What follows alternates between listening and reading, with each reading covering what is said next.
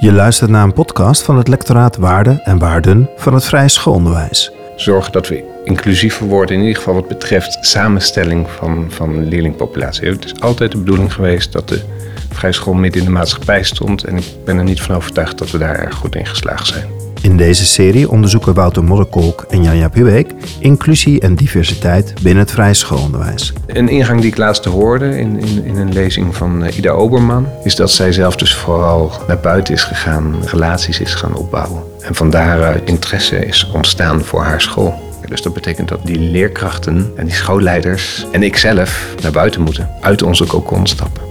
Niels is opleidingsmanager aan de Vrije School Pabo aan de Hogeschool Leiden. Daarom moeten we ook heel duidelijk, ook in de marketing, maar ook in de werkelijkheid, en dat vond ik een van de mooie uitspraken van Christophe, ons niet profileren als antroposofische instellingen. Dat zijn we niet. We gebruiken ideeën vanuit de antroposofische menskunde om invulling te geven aan de pedagogiek en didactiek. Welkom Niels in de podcast. Dank je. Wij zitten op de Hogeschool Leiden. We zitten naast de leraaropleiding voor het vrij schoolonderwijs. Kan jij kort voor de luisteraar vertellen wie ben jij en wat is jouw ervaring en perspectief op het vrij schoolonderwijs? En ik snap dat dat een hele grote vraag is, maar misschien kan je dat in je eigen korte bewoordingen geven. Kort biografisch misschien. Ik ben Niels Schieman. Ik ben um, in 1970 geboren en ben vanaf uh, uh, de eerste klas, dus toen ik zes was, ben ik in Eindhoven naar de vrije school geweest. Heb daar een aantal leuke jaren gehad, een aantal jaren dat ik het minder naar mijn zin had en heb op een gegeven moment op een reguliere school voor voortgezet onderwijs mijn school afgemaakt. En had het idee dat ik nooit meer op een vrije school zou komen. Een bekend verhaal wat je vaker hoort. Um, op een gegeven moment word je ouder, je krijgt kinderen, je gaat een school zoeken. Je, je kijkt op verschillende scholen, je komt op een vrije school binnen en je denkt, ja, ja, hier moet mijn kind naartoe.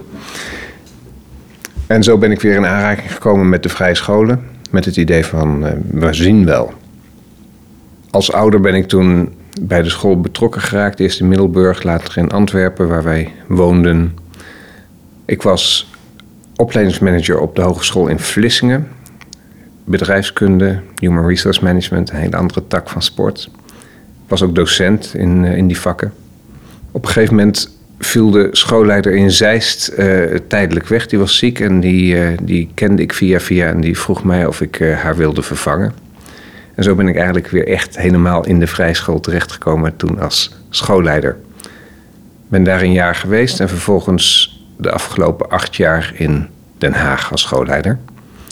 En de combinaties van het eerdere werk op de hogeschool en mijn negen jaar als schoolleider op vrije scholen, die combineer ik nu in deze functie en op deze uh, opleiding voor leerkrachten voor vrije scholen.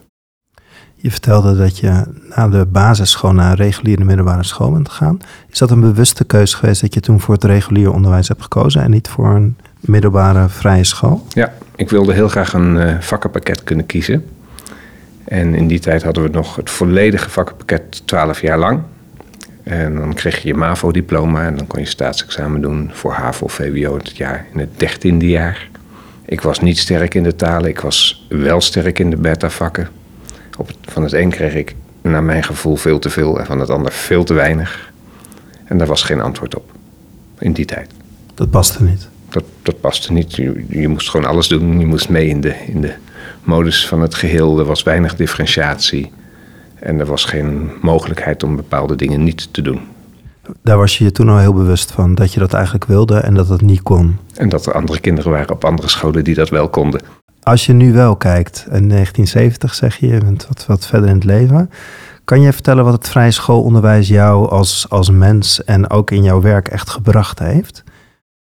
Ja en nee, want ik vind het moeilijk om het onderscheid te maken tussen welk deel komt vanuit opvoeding en welk deel komt vanuit school.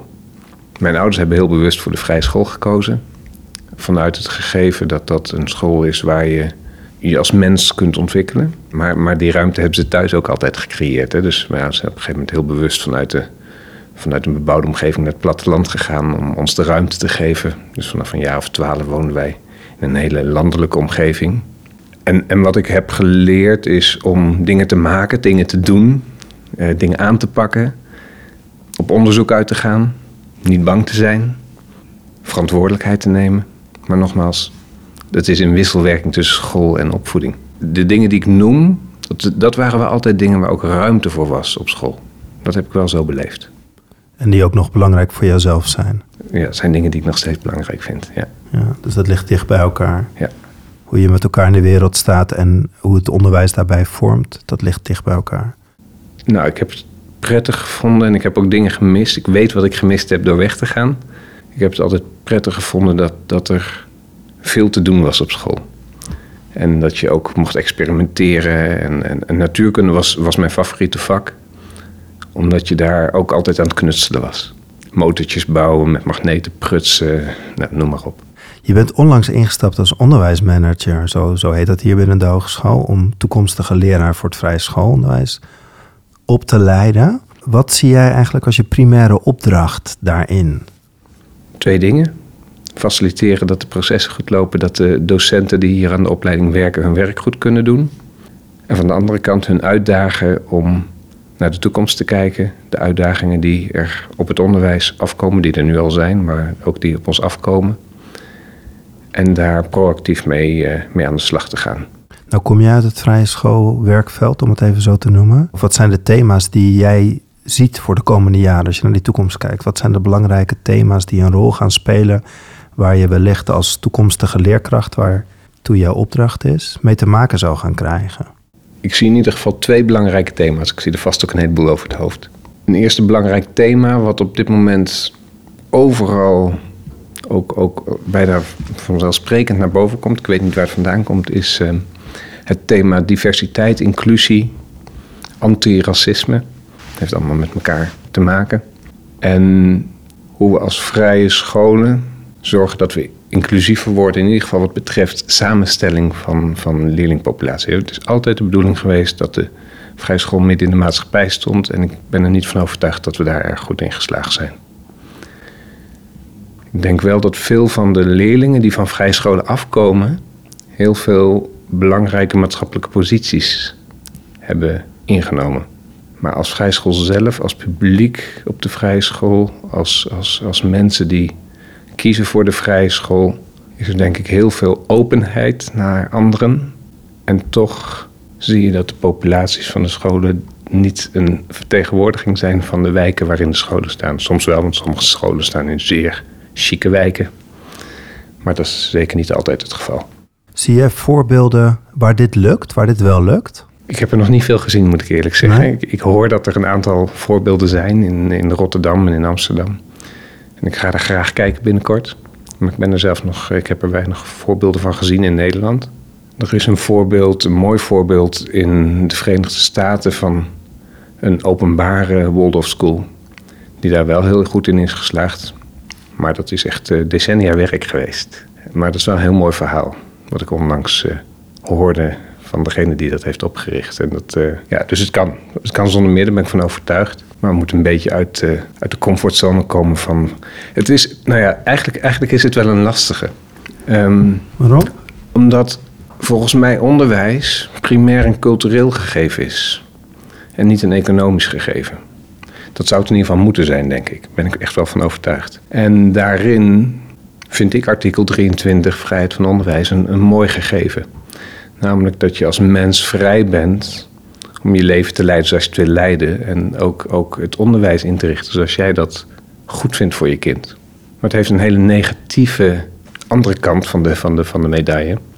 En dat is dat je segregatie krijgt als je niet oppast. Dus je krijgt de, de protestant-christelijke scholen, je krijgt de antroposofische scholen en je krijgt de katholieke scholen en je krijgt de openbare scholen. We gaan, niet oppassen, allemaal tegen, tegenover elkaar staan. Terwijl je probeert als maatschappij die segregatie tegen te gaan. En, en, en terecht, ik bedoel, anders krijg je geen fijne samenleving. Dus van de ene kant is een school een, een culturele entiteit. Die past bij de, bij de cultuur van de ouders die voor die school kiezen. En tegelijkertijd wil je ook iets van dat, van dat openbare karakter hebben. Dus dat, dat is ook nog wel een zoektocht, merk ik bij mezelf. Je noemt artikel 23. Als artikel 23 er niet meer zou zijn, hè, de, de laatste verkiezingen, er waren partijen die, die riepen daarop. Bestaat het vrije schoolonderwijs dan nog als artikel 23 doorgestreept gaat worden? Als dat betekent dat de overheid vindt dat ze uh, speciaal onderwijs niet meer hoeven te financieren, niet meer. Tenzij uh, je binnen openbaar onderwijs weer vormen krijgt, zoals je dat natuurlijk in sommige. Ik gaf net een voorbeeld van de Verenigde Staten. Uh, binnen openbaar onderwijs weer de ruimte vindt om, om op die manier je school in te richten. Dat is, dat is een hypothetische vraag. Vanuit, vanuit ervaring in het buitenland zie je dat er maar weinig voorbeelden zijn waar dat lukt. Er zijn vrije scholen in, in meer dan 70 landen. We moeten ons wel realiseren dat de meeste van die scholen private schools zijn. Je zei dat dat een groot thema is diversiteit en inclusie. Tegelijkertijd zie ik de afgelopen jaren vrije scholen groeien. Dus ik zie ook een enorme mogelijkheid eigenlijk om veel inclusiever om te gaan en ook meer diversiteit bijvoorbeeld aan, uh, aan, aan, het lerarenkorps toe te, toe te voegen. Dat geeft ook heel veel ruimte en kansen. Ja. Hoe kijk jij naar dat stuk? Welke rol leerkrachten of toekomstige leerkrachten kunnen spelen in het probleem wat jij zei, of het thema wat jij net zei, diversiteit en inclusie? Een grote rol, maar je vraagt nogal wat van de eerste uh, niet-westers allochtone uh, collega's die instappen in zo'n school. Want ze worden de hele tijd als, als rolmodel gezien voor wat je, wat je wil. En dat, dat is een ervaring die, die op meerdere plekken natuurlijk ontstaat. Wat, wat er veel gebeurt is, hè, ik, heb, ik heb dat zelf ook wel meegemaakt, is dat, is dat je een, dan, dan als je niet oppast, als leerkracht met misschien Marokkaanse grootouders of ouders, steeds als de representant van een groep wordt beschouwd. En niet gewoon als mens. Als eender als alle andere collega's. En dus dat, dat overkomen van die eerste fase is vaak heel erg lastig. In een, in een omgeving die nog zo wit is. En je moet daar met elkaar goed over spreken en, en, en kijken hoe je dat wil doen. Oh, maar dan, dan, stel ik hem misschien te plat. Wat ik misschien, uh, laat ik hem even af, anders. Gisteren hebben jullie met Christophe Wiegert hebben jullie een bijeenkomst gehad. Die heeft natuurlijk een mooi voorwoord geschreven bij een Steiner vertaling. En die zegt in het begin van zijn betoog, zegt hij, even in mijn woorden, de vrije school is een methode. Ja. Hoe kijk jij naar die uitspraak? Ja, uh, ja en, en, en, maar de, de vraag is dan, wat is een methode? Ja. En dat is natuurlijk waar het gesprek gisteren ook over ging. Want als er iets is wat een vrij school niet is, dan is het een school die door methodes uh, zijn lessen invult. Dus die, die de methodes koopt van de uitgevers en dan zegt, nou, dit zijn we. Of die zelf een andere methode met, met, met, met mooie nat in nat schilderingen, eh, boekjes gaat maken en dan zeggen, dit is het. Daar wordt iedereen heel allergisch van, maar goed ook. Want de methode is het gegeven dat je heel erg kijkt naar de ontwikkelfase van het kind en welk onderwijs daarbij hoort. Dat je leerkrachten de ruimte geeft om een onderwijs zo in te richten dat het past bij de groep kinderen die in hun klas zit. Dat je zorgt dat leerkrachten die groep kinderen ook echt door en door kennen. Dus langer met zo'n groep meegaan. Dat zijn gegevens van, van de methode waar hij aan refereert. Terwijl wat wij allemaal verstaan als we methode horen, dan zien we methodeboekjes voor ons.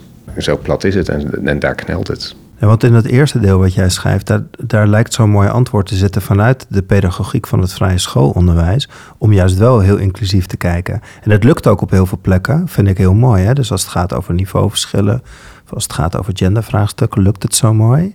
Ja. ja dus ik, ik zoek even van nou welke opdracht ligt er dan om, om dat stuk dan te doorbreken vanuit de methode van het vrije schoolonderwijs zelf. De opdracht die er denk ik ligt is om zelf meer naar buiten te gaan. En daarmee bedoel ik niet in, in het wereldje, in, in de culturele entiteit te blijven uh, hangen, maar uh, daaruit te stappen en juist te zorgen dat je de, de connectie buiten je eigen culturele entiteit vindt.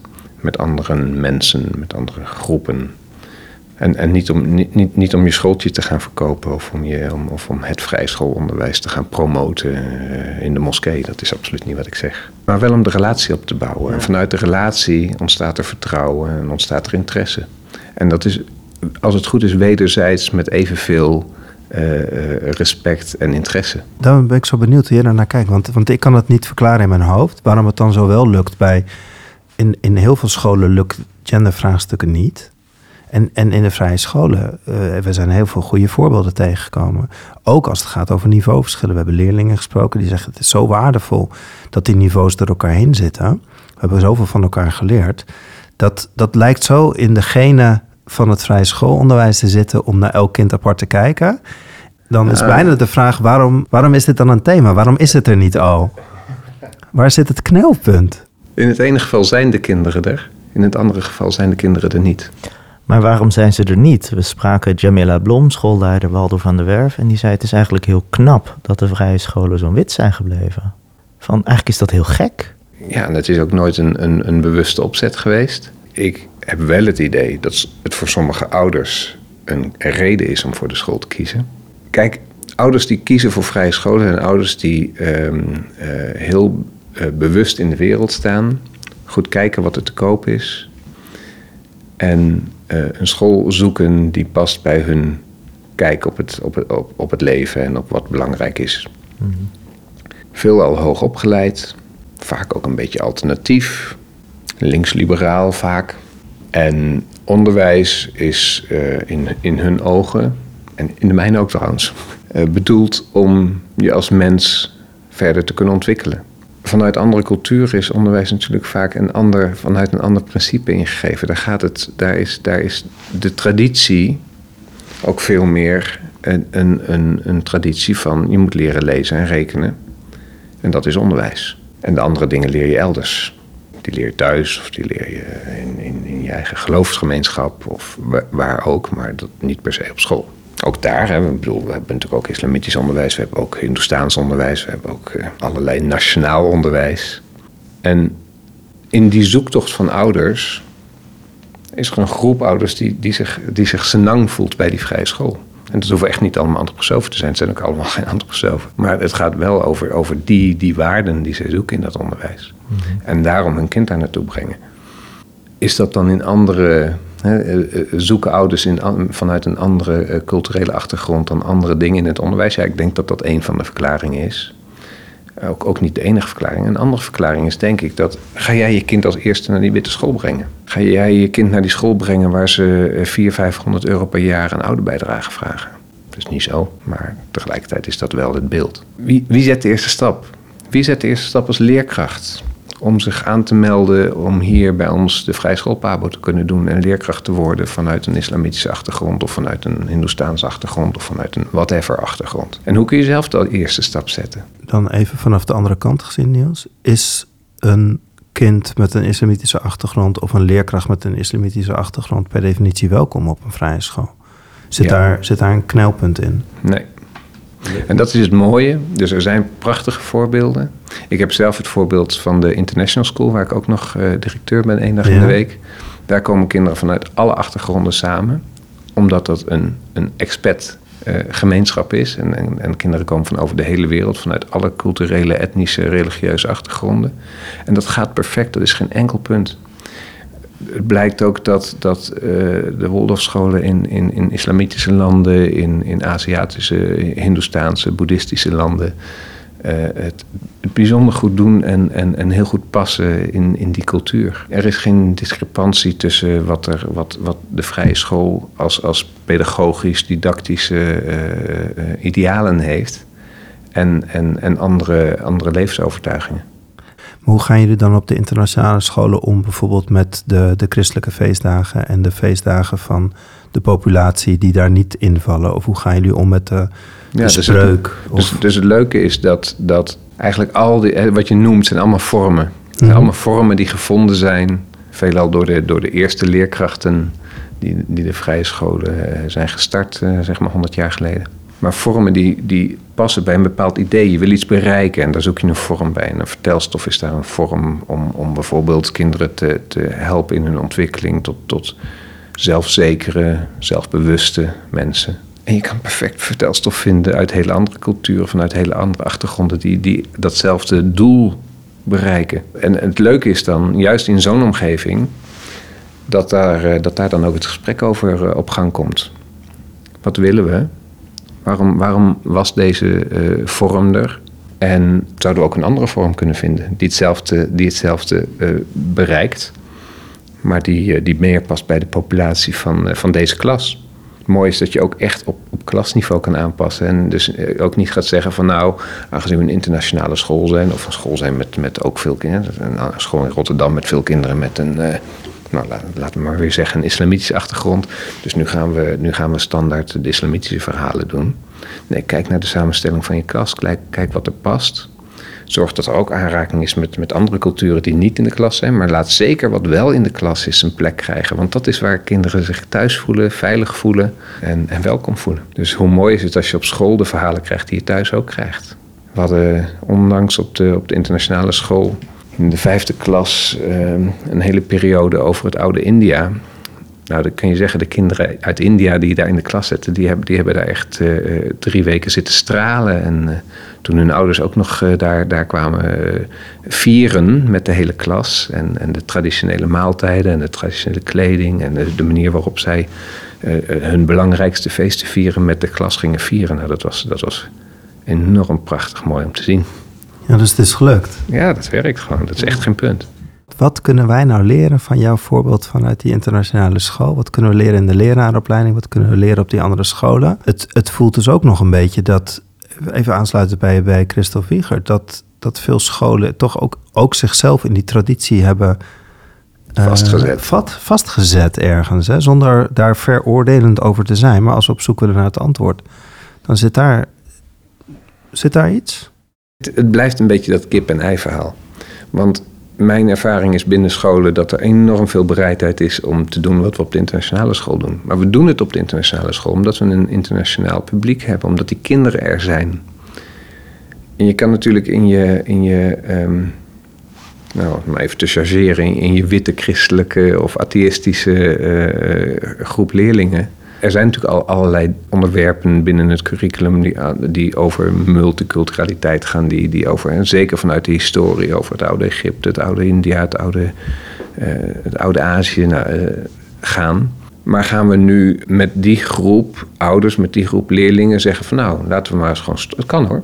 Maar gaan we nu stoppen met, met de christelijke jaarfeesten en we gaan gewoon komend jaar eens een jaar alleen de islamitische jaarfeesten doen. Of we doen ze erbij, maar het is nu al veel. Dus misschien moeten we dan een beetje gaan mengen of zo. Ja, wat ga je doen en waar kies je dan voor? En een van de, van de uitgangspunten, denk ik, en daar zit misschien ook wel een, een, een haakje. Een van de uitgangspunten uh, is dat, dat je um, als leraar op een vrij school altijd probeert aan te sluiten bij wat zich aandient in de werkelijkheid. Om, om een heel ander voorbeeld te geven. Je gaat in een derde klas het niet hebben over uh, allerlei vreselijke ziektes die mensen kunnen overkomen. Maar als jij een kind hebt in de klas wiens vader of moeder gaat overlijden aan kanker, dan heb je dat te behandelen. En dan heb je het er wel over met je kinderen. En op dezelfde manier kijk je dus ook naar, wat past bij deze kinderen en wat ga ik dus met deze kinderen doen. Ik weet, ik weet niet, misschien zit de sleutel er wel in dat we wel gewoon ook dingen moeten gaan doen, ondanks dat ze niet per se bij deze groep kinderen aansluiten omdat het maar dat is, ik, ik weet niet of dat de ingang is. Een, een, ingang die ik laatst hoorde in, in, in een lezing van uh, Ida Oberman, de, de, school waar ik net over vertelde in Californië, is dat zij zelf dus vooral naar buiten is gegaan, relaties is gaan opbouwen. En, en van daaruit uh, interesse is ontstaan voor haar school. En dat sprak mij erg aan. Maar dat betekent wel heel hard werken. Dus dat betekent dat die, die leerkrachten en die schoolleiders en ik zelf naar buiten moeten. Uit onze kokon stappen. En hoe kijk je dan naar die toekomstige leerkracht? Neem je die mee? Of nodig je die daarbij uit? Of heb je daar al een idee bij? Nou, dat is wel leuk. Hè? Dus dit jaar is, is dit ook een thema binnen de opleiding. Een studiethema waar de, waar de docenten mee bezig zijn, maar waar ook de studenten te worden uitgenodigd. Dat je uh, ook met studenten, eigenlijk het gesprek wat wij nu voeren, ook met studenten gaat voeren. Nee, want het is zo mooi, want het zit soms zo impliciet. Uh, wij spraken bij, bij Wouter leerlingen uit zijn klas en die zeiden van ja, wij missen die diversiteit. Want, hè, want als ik op dansles zit, dan is het heel cultureel, maar op school zit ik altijd in die witte bubbel. Hè, als, ik, als ik met mijn vrienden op pad ga, dan zitten we in een culturele samenleving. Maar hier is het heel wit, zitten we weer in die witte bubbel. Hè, dus misschien zit het niet allemaal in de klas, maar ze, ze zijn er wel mee mee verbonden. Voor mijn kinderen, allebei teenagers, is het, is het, is het helemaal geen, geen item. Ik bedoel, die, die leven in een volledig multiculturele, multi-etnische uh, samenleving. En, en maar inderdaad, vaak in de klas niet. De leerlingen gaven ook terug van ja, we hebben het er eigenlijk ook nooit over. Je vertelde net heel mooi. Op school. Op school. Je vertelde net heel mooi ehm, van ja, als leraar ga je om met datgene wat zich aandient. Maar die multiculturele samenleving dient zich aan, misschien niet op school. En hoe kunnen wij leraren uitrusten om dat gesprek op een mooie manier te voeren? Is dat ook een taak van de opleiding? En, en hoe kun je daar invulling aan geven? Dat lijkt me een hele mooie taak voor, eh, voor de opleiding. Ehm, het is wel zo dat dit, dat dit eigenlijk, als je het op, op dit bewustzijnsniveau brengt, hele, hele, hele um, reële dag tot dag uh, problematieken zijn, waar, waarin we juist in de vrije school proberen die, die, die, dat, dat wat op te sparen, zal ik maar zeggen, dat wat te bewaren. Uh, dus die, dat, dat is eerder in, in, in klas 5, 6, groep 7, 8, waar, dat, waar, waar daar ruimte ontstaat om, om dit gesprek te gaan voeren. En zeker in het voortgezet onderwijs wordt dit een onderwerp wat je niet meer mag vermijden. En tegelijkertijd kan ik me ook voorstellen dat, dat je, zeker al in, in, in, in de kleuterklas eigenlijk al, heel goed gaat kijken naar taalgebruik. We maken um, als, als witte Nederlanders hebben, hebben een bepaald taalgebruik wat heel snel um, eigenlijk uh, uh, pijnlijk is voor, voor mensen van kleur. Voor zwarte mensen, voor bruine mensen. En, en daar op dat punt ontstaat de laatste tijd meer bewustzijn. En ik merk bij mezelf ook, dat is leren.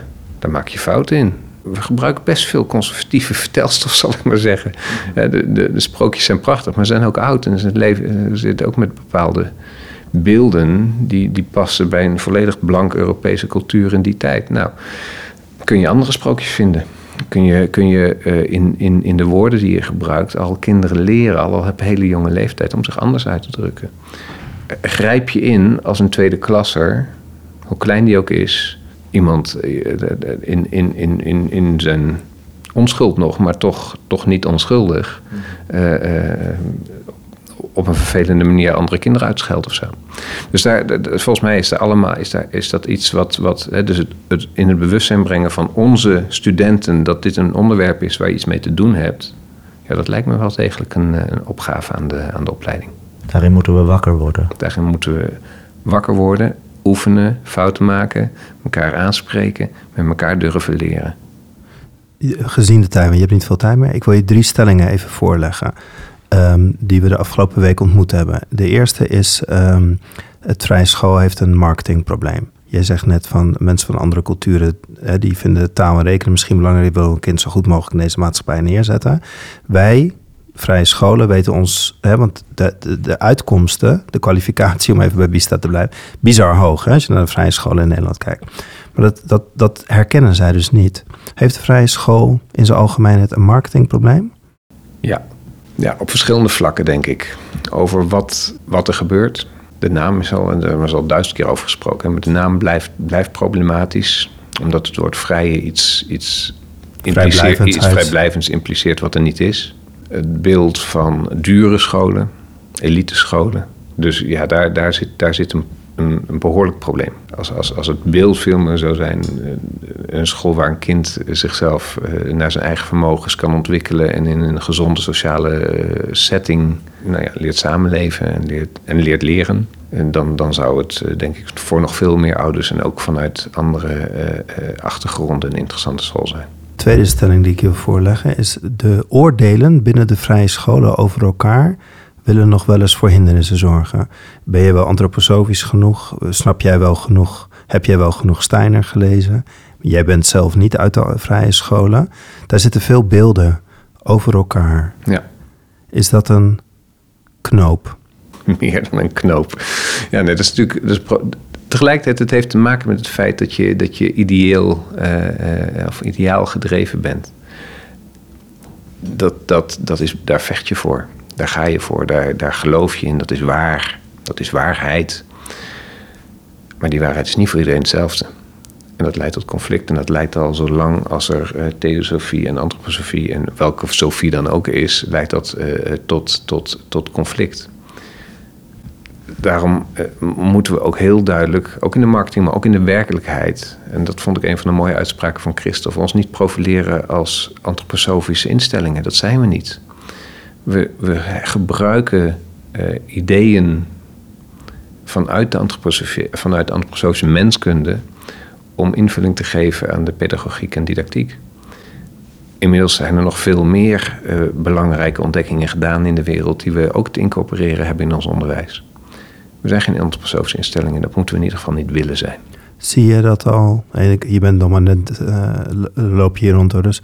Maar zie je daar ook een verschil tussen de, de jongere generaties en de oude garde, om het maar even heel zwart-wit te zeggen?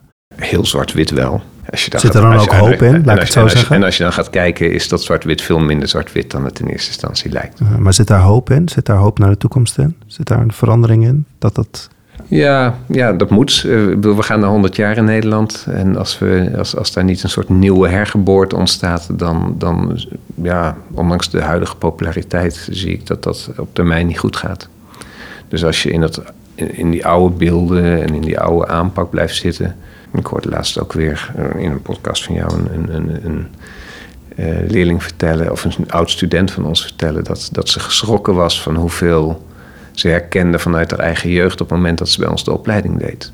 Ja, er zit, er zit ook veel conservatisme in. En dat heeft, dat heeft ook wel een kracht. Dat moet je niet zomaar overboord zetten.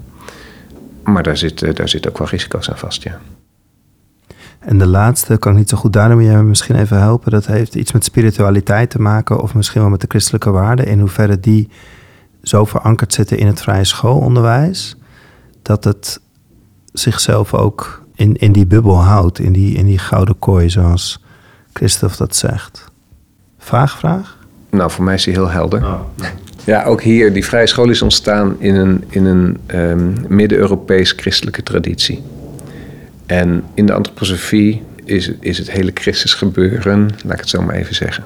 Is niet zo respectvol misschien, maar is, is, is de hele Christusfiguur en de hele christelijke godsdienst van waaruit die Europese cultuur is ontstaan, is, is een belangrijk studieonderwerp binnen de antroposofie. Maar de antroposofische menskunde aan zich en de vertaling daarvan naar vrije schoolonderwijs kan prima zonder uh, dat hele stuk steeds te benadrukken. Want het gaat veel meer over spiritualiteit, over het bewustzijn van een, van een geesteswereld. En het feit dat een kind meer is dan een verzameling moleculen. Uh, die toevallig op groeimanier gerangschikt zijn en daardoor een mens. Vanuit dat gegeven kun je eigenlijk overal terecht. En dat blijkt ook, dat, dus als je internationaal gaat kijken naar de Waldorfscholen, blijkt ook dat steeds weer. Dat het is absoluut niet per se die verbinding met, met, met die christelijke historie of die christelijke cultuur. Die heeft heel veel, die heeft heel veel mooie uh, beelden, metaforen, insteken. Maar die kun je ook op, andere, op een andere manier vinden en invullen jouw vraag was eigenlijk, is, is dat een probleem? want er worden vooral christelijke jaarfeesten. Het zit hem vooral vaak in de jaarfeesten. Ook wel een beetje in de vertelstof en, en, en, en soms in de spreuk. Maar bijvoorbeeld in de spreuk, je zal geen spreuk tegenkomen waar het over Christus gaat. Wel God. Maar God bestaat in alle culturen. Dus, nou ja, dus dat, ik stel dus- wel de vraag omdat een, een, uh, iemand naar die podcast luisterde en zei: Ja, leuk dat je die jaarfeesten gaat aanpassen, maar dat is de essentie eigenlijk niet. De essentie is die spirituele. Dus die had zoiets van, ja, je kan die jaarfeesten wel aanpassen, maar dan, daarmee verandert het niet. Die, die vond het eigenlijk een beetje eh, even etalage, om het plat te zeggen. Nou ja, kijk, er zijn natuurlijk ook mensen die, die volledig atheïstisch, dat die vrije school nog steeds een mooie school vinden. Maar die met dat hele spirituele stuk niet zoveel hebben. Dat kan, dat mag. Ik heb daar zelf ook heel lang mee geworsteld van wat, wat is dat voor mij, wat wil ik daarmee? Jarenlang, zeker in, in mijn jonge studententijd, maar daar heftig tegen gezet ben daar pas op latere leeftijd weer, weer anders naar gaan kijken. Maar ik ben geen, geen groot spiritueel leider, om het zo maar eens te zeggen. Ehm, ik heb alleen later wel, ongeveer vanaf mijn veertigste ontdekt, dat dat, dat een, een, een waarde heeft. In, in hoe je naar de wereld kijkt en hoe je naar de mens kijkt, die zich vertaalt in, in ehm, wat mij betreft, een hele gezonde manier van met elkaar samenleven en op een gezonde manier naar, kinderen kijken dus eigenlijk vooral de ingang is bij mij vooral via, via het kijken naar kinderen uh, ontstaan. Maar als je uh, zegt, ja, spiritualiteit is eigenlijk helemaal. Uh, ja, dat is een beetje voor zwevende mensen, flauwekul of een paar religieuze fanaten. Ja, dan wordt het lastig op een vrijschool. En ik denk dat dat zo is en ik hoop eigenlijk ook dat dat zo blijft. Hebben we jou iets niet gevraagd wat jij zelf belangrijk vindt? Nee, nou, we zijn nu helemaal ingegaan op uh, een van de twee thema's die ik zie voor de toekomst. Mhm. We kunnen nog een hele andere podcast opnemen Ja? over het andere thema. En wat is dat thema? Dat is ehm, eh, de informatisering die op ons afkomt. ICT, artificial intelligence in het onderwijs.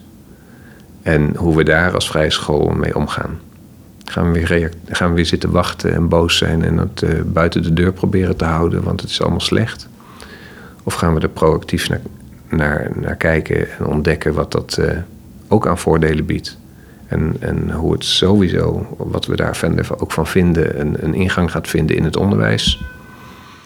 De manier waarop je deze vraag stelt impliceert dat jij het tweede wil. Je wil proactief. Dat, ja, dat is, mijn, eh, dat, dat is hoe ik er naar kijk. Maar dat wil niet zeggen dat iedereen er zo naar kijkt. Nee, en, en, en wat beoog je dan?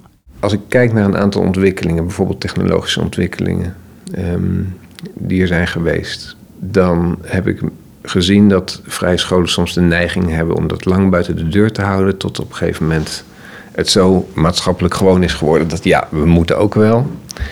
Dan volgen we, soms zelfs eh, ruimhartig. En, en, dan, en dan, dan zitten wij in een ontwikkelfase van experimenteren en, en, en uitzoeken. En waar, waar reguliere scholen al, al, alweer drie stappen verder zijn. Ik vind het wel een mooi voorbeeld als je ziet hoeveel, een beetje een, zij, zijweggetje, maar, maar hoeveel methoden er binnen methodeboekjes zijn binnengekomen. En, en steeds meer ook, ook gewoon nou ja, vrij standaard gehanteerd worden op vrije scholen. De afgelopen tien jaar dan zie je dat soms het regulier onderwijs alweer verder is met het daar afstand van nemen en, en op een andere manier onderwijs gaan ontwikkelen dan sommige vrije scholen. Nou, dat is, dat is gewoon bizar. Hetzelfde met, uh, met, met, met ICT-onderwijs, mediawijsheid. Er zijn een paar scholen die daar ook mooie dingen in doen, die daar, die daar uh, echt, echt wel stappen in gezet hebben. Maar er zijn ook een heleboel scholen, die daar nog, vrije scholen, die daar nog, nog zwaar mee worstelen. Terwijl het op een heel aantal andere scholen echt op hele mooie manieren is geïntegreerd en helpt in, in nou, ofwel in, in, in leren, uh, in het met elkaar, in, in, in, het, in de ontwikkeling van de sociale vaardigheden. Lopen gewoon daar ver op voor. Ik denk als je nu het, het onderwerp wat ik net aanhaalde, artificial intelligence, uh, de, de, de, de leerprogramma's om het zo maar eens te zeggen, waarbij je als leerkracht achter een dashboard zit en ziet wat er, uh, wat er gebeurt met, uh, met, met het leren van de kinderen. Ik weet niet of dat is waar het uiteindelijk op uitkomt, maar dat is ongeveer waar het nu staat. Dan, dan biedt dat mogelijkheden in op maat kinderen instructie geven en helpen om te oefenen met, met gewoon bepaalde bewerkingen. Bepaalde, het gaat altijd, altijd over afspraken. Bij grammatica, bij rekenen gaat het over afspraken die we hebben gemaakt met elkaar. Wat is delen, wat is vermenigvuldigen. En wat er veel al gebeurt, naar mijn idee, is dat, dat er, zeker als er klassikaalles wordt gegeven, is dat je als leerling een stukje mist van een uitleg. En dan vervolgens wekenlang erachteraan hobbelt omdat je net dat ene stukje hebt gemist. Nou, hierin biedt ECT-oplossingen, ben ik van overtuigd. En die gaan, die gaan in scholen een plek vinden, waardoor het leren op een, op, ook in een andere versnelling terecht gaat komen.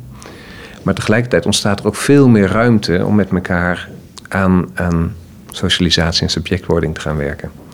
En ook aan kwalificatie, maar dan niet alleen maar de cognitieve kennen van de regeltjes, van het kunnen rekenen of het kunnen, uh, goed kunnen spellen.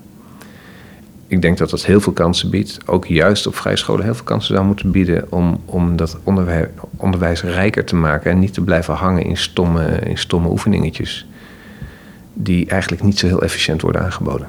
Dus eigenlijk zou het middel digitale didactiek of, of uh, digitale geletterdheid kunnen bijdragen aan dat de essentie van het vrije schoolonderwijs. Dat is eigenlijk wat je ik, zegt. Ik, ik heb het idee dat dat zou moeten kunnen. Maar dat zullen we met elkaar moeten gaan onderzoeken. Maar dat begint met een openheid om dat te willen onderzoeken. En als de eerste reactie is, nee, dat gaan we nooit doen, want die troep die willen we niet in onze klas. Dan gaan we gewoon twintig jaar wachten en dan, of tien jaar wachten. En dan op een gegeven moment moeten we wel. Want... Ja, nu komt cynisme omhoog. Voordat we naar cynisme gaan. Hoe wil jij daar op een positieve manier komen? Wij waren vorige week op een school en die zeiden... wij, wij zijn inclusief, we willen kijken... en wij zien een aantal kinderen, helemaal bij wat jij zegt... die hebben dat nodig. En die hebben een half jaar gewoon weerstand gehad met de ouders. Want, en het ging om twee laptops. Ja, je hebt wat uit te leggen. Je hebt zeker wat uit te leggen. Ik heb, ik heb, ouders, ik heb ouders gehad die, die uh, zelf in die CT werkten en valikant op tegen waren dat er twee uurtjes per week uh, tablets in de klas kwamen voor mediawijsheid. En kan je hen dan helpen naar die stip aan de horizon die jij zegt van ja, maar hierdoor kunnen we het echt hebben over waartoe jouw kind op deze school zit? Nou, niet altijd. Soms, soms zijn, zijn overtuigingen dusdanig vast, uh, zitten dusdanig vast dat de beste argumenten niet goed genoeg zijn.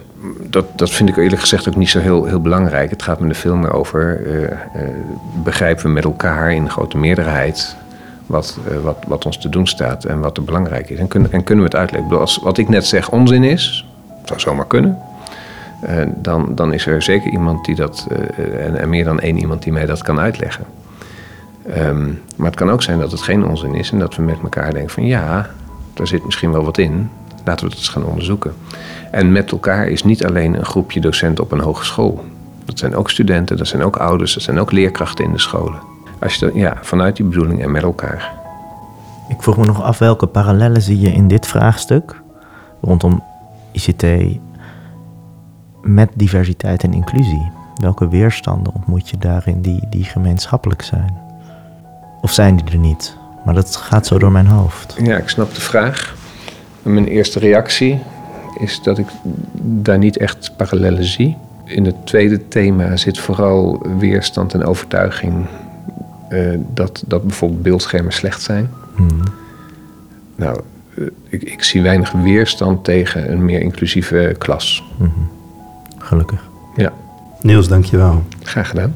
Je luistert naar een podcast in de serie In Waarde deze van het serie onderzoeken Wouter waar leden van de kenniskring Jaap inzichten inclusie en en vragen delen diversiteit over het vrije schoolonderwijs. En Daarnaast komen in deze serie mensen aan het woord dat die zij vanuit een hun ervaring ontmoetingsplaats of expertise diversiteit hun licht laten en een schijnen op het vrije schoolonderwijs. inclusiviteit. Like deze een uitzending podcast in de zodat meer serie mensen Waarde van het vrije schoolonderwijs. Tot de waar volgende leden van de aflevering kenniskring in deze serie en vragen delen over het vrije schoolonderwijs. Daarnaast komen in deze serie mensen aan het woord die vanuit hun ervaring of expertise hun licht laten schijnen op het vrije schoolonderwijs. Like deze uitzending zodat meer mensen ons makkelijker kunnen vinden. Tot de volgende aflevering in deze serie